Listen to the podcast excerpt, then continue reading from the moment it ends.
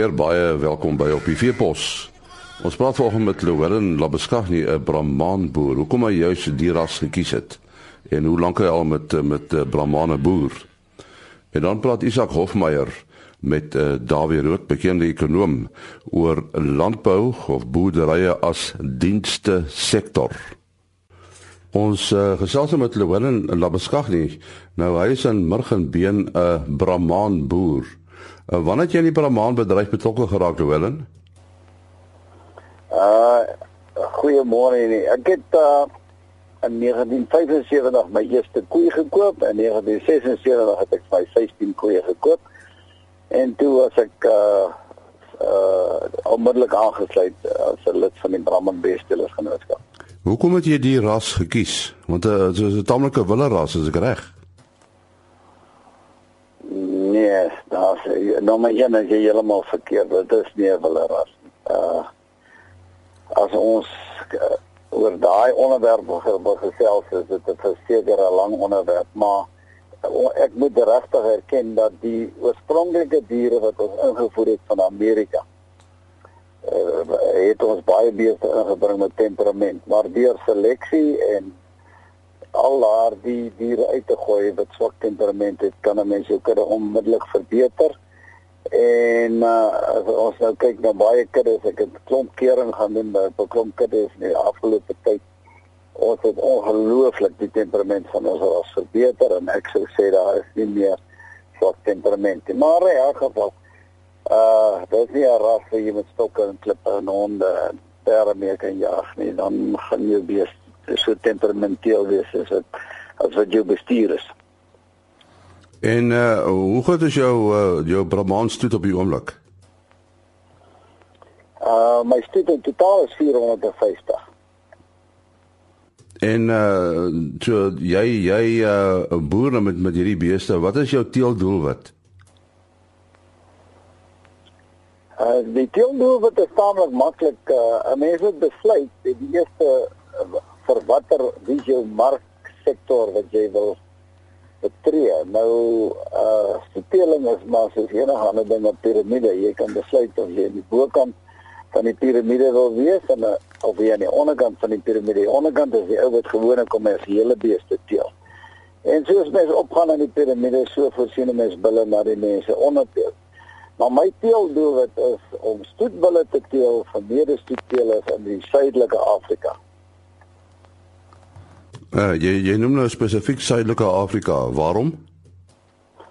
Omdat ek voer beeste uit na omtrent die meeste van die lande toe. Uh uh Botswana, Namibië, Zambië, Zimbabwe, Mozambique het ek in die afgelope 2 maande 40 diere na toe uitgevoer en dan gaan daar ook nou van my diere op die manier deur na Malawi.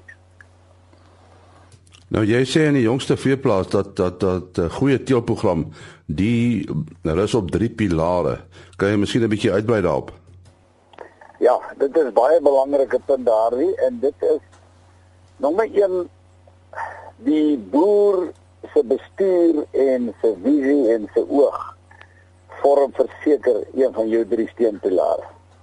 Uh sonder dit kan jy met geen kan jy geen vordering maak in die stoetbedryf nie. Die tweede pilaar wat ek nou verwys is 'n mens met die stambome van jou diere ken en jy met die sterkpunte en die swakpunte en die goeie hoedanighede en swak hoedanighede van al die uh stambome moet jy ken en jy moet dit weet hoe om dit te gebruik om positief vorentoe te gaan.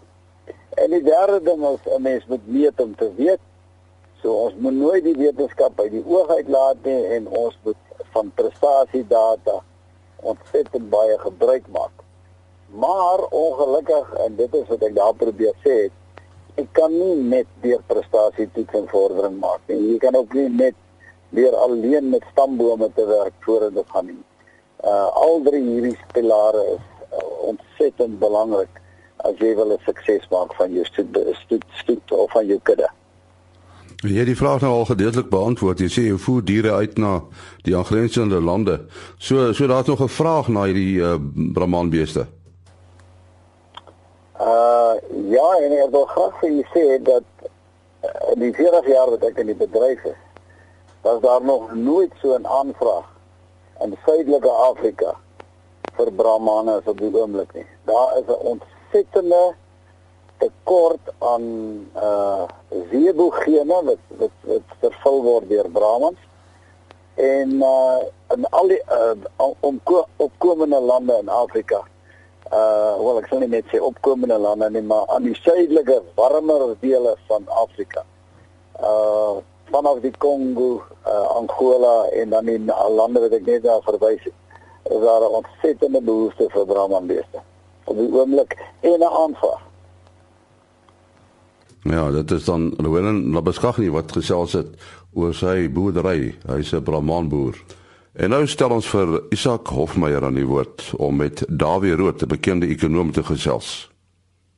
Ons gesels met die bekende Dawie Rood van die Efficient Groep hier by die Elmik Beefmasters Boeredag in die roadside omgewing in die Vrystaat. Nou daar wie jy die boere redelik aan jou lippe gehad vir vanoggend. En een van die goed wat die ouens laat regop sit het is toe jy gepraat het van boerdery wat verander het in sy aard dat hy nou 'n dienstebedryf geword het. Ja. Maar vir my as 'n totale leek, wat bedoel jy? Wat beteken dit om 'n dienstebedryf te wees? In eenvoudige terme, sien nou maar ek en jy begin nou 'n nuwe ekonomie. Ons spoel uit op 'n eiland byvoorbeeld en ons gaan nou ons begin nou van voor af. Daar's niks op die eiland nie. Wat is die eerste goeders wat jy gaan begin doen? En die eerste goed wat jy gaan begin doen, jy gaan begin gebruik maak van die hout in die omgewing. Jy gaan 'n gat grawe en die minerale begin gebruik. Jy gaan begin om om met diere te boer en met met plante te begin boer. Dis jou eerste bedrywe wat enige ekonomie altyd mee begin. En hierdie eerste bedrywe staan bekend as jou primêre bedrywe. En dit is tipies landbou en mynbou. Dis jou primêre bedrywe. Daarna vat jy die produkte wat jy wat jy wat jy geproduseer het in die primêre bedryf en jy verwerk dit verder. En daai noem ons dan die sekondêre bedrywe. En dit is 'n tipe vervaardiging. Is 'n voorbeeld van 'n sekondêre bedryf waar jy nou jou grondstowwe vat en jy om jy skep dit om in iets anders. Die koring wat jy geplant het, maak jy nou meel van. Dis tipies 'n sekondêre bedryf. So 'n 'n 'n bakkery is 'n voorbeeld van 'n sekondêre bedryf.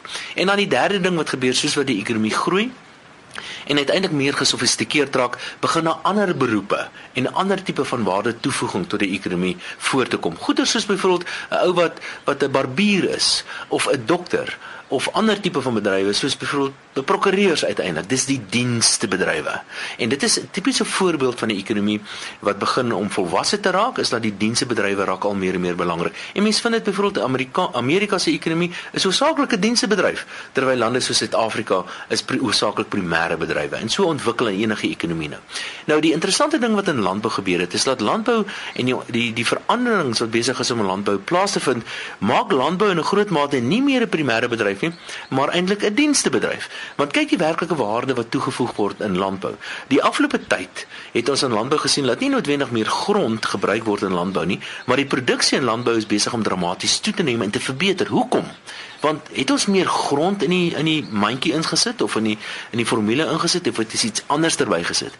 En dis eintlik die groot belangrike skuif wat besig is om landbou plaas te vind. Ons het ander goederes bygesit. En wat is hierdie ander goederes? Die ander goederes is beter bestuur byvoorbeeld baie beter tegnologie byvoorbeeld beter aanwending van kapitaal byvoorbeeld en mense kan spesifiek wees. Mense kan sien dat die landbou vandag en dis nie net in landbou nie ander baie bedrywe ook jy maak gebruik van goeie soos byvoorbeeld genetiese in landbou jy maak gebruik van iemand wat 'n finansiële kenner is in landbou jy maak van iemand wat gebruik is van 'n wat 'n nywerheids sielkundige is byvoorbeeld in landbou en dis meer. En al hierdie beroepe is dienstebedrywe. So ons voeg dienste by by die landbou en is nie meer 'n primêre bedryf nie. En dis die toekoms van landbou.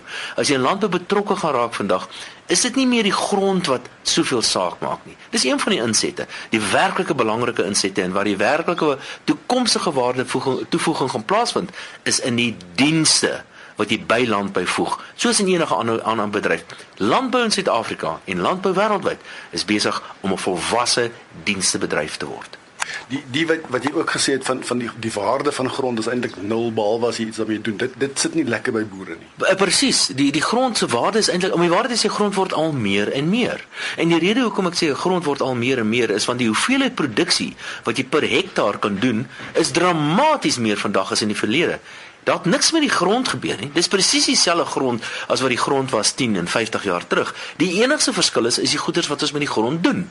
Die waar die ander goeders wat ons by die grond in die mengsel gesit het. En dit is veral goed soos byvoorbeeld tegnologie en beter bestuur of met ander woorde tegnologie en dienste wat die waarde van grond eintlik beter of die aanwending van grond eintlik beter gemaak het oor tyd. Grond het eintlik meer geword, nie minder nie. Grond is totaal waardeloos as jy nie iets daarmee kan doen nie. En die iets wat mense daarmee kan doen is goed soos byvoorbeeld beter bestuur, tegnologiese aanwending wat die produksie grond meer maak en dis meer. Ek wil vir jou twee vrae en een vraag maak bietjie sin vir my asseblief in my eie ja. in my eie die mekaarheid. Aan die een kant die ding van die grond en die verknogtheid, die emosionele ding aan die grond aan die een kant en aan die ander kant die benadering wat in jou opinie boere moet hê tot hulle grond en tot produksie. Ja. Ons het 'n ding in Afrika, maar nie net in Afrika nie, baie dele in die wêreld en in, in ander lande is dit nie so sterk soos in veral nie in Suid-Afrika nie.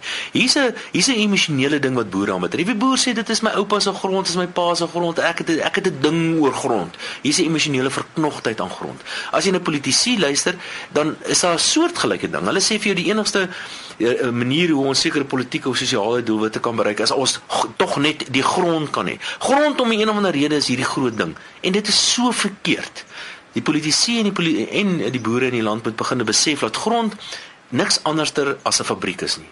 En as hierdie fabriek nie vir jou opbrengs kan gee op die een of ander manier nie, moet jy ontslaa raak van hierdie of jy moet hierdie fabriek bestuur net soos enige ander 'n uh, uh, fabriek wat jy sou gehad het en beoordeel het en behandel dit soos enige ander inset of 'n ander uh, uh, fabriek wat jy sou gehad het. En as 'n grond nie meer die opbrengs vir jou gee vir watter rede ook al nie, vergeet van die emosionele verknogtheid daaraan en behandel dit soos enige ander inset en raak ontslae daarvan as 'n voorbeeld. En daar's natuurlik ander maniere ook wat 'n mens kan doen. Jy hoef nie noodwendig van die grond ontslae te raak.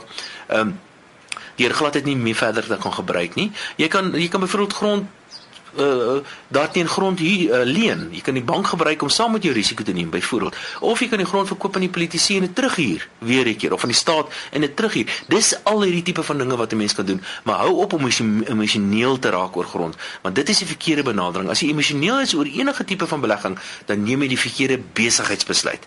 Wees altyd rasioneel oor sekere goederes, oor oor oor alles sover dit as wat besigheid aanbetref en besef altyd dat jy daar's 'n gegeewe omgewing en bestuur hierdie gegeewe omgewing so goed as wat jy moontlik kan. Dit gaan nie oor reg en verkeerd nie. Dit gaan daaroor om die omgewing waarin jy jouself bevind so goed as wat jy kan te bestuur tot voordeel van jou besigheid en tot voordeel van jouself en jou familie op die ou einde.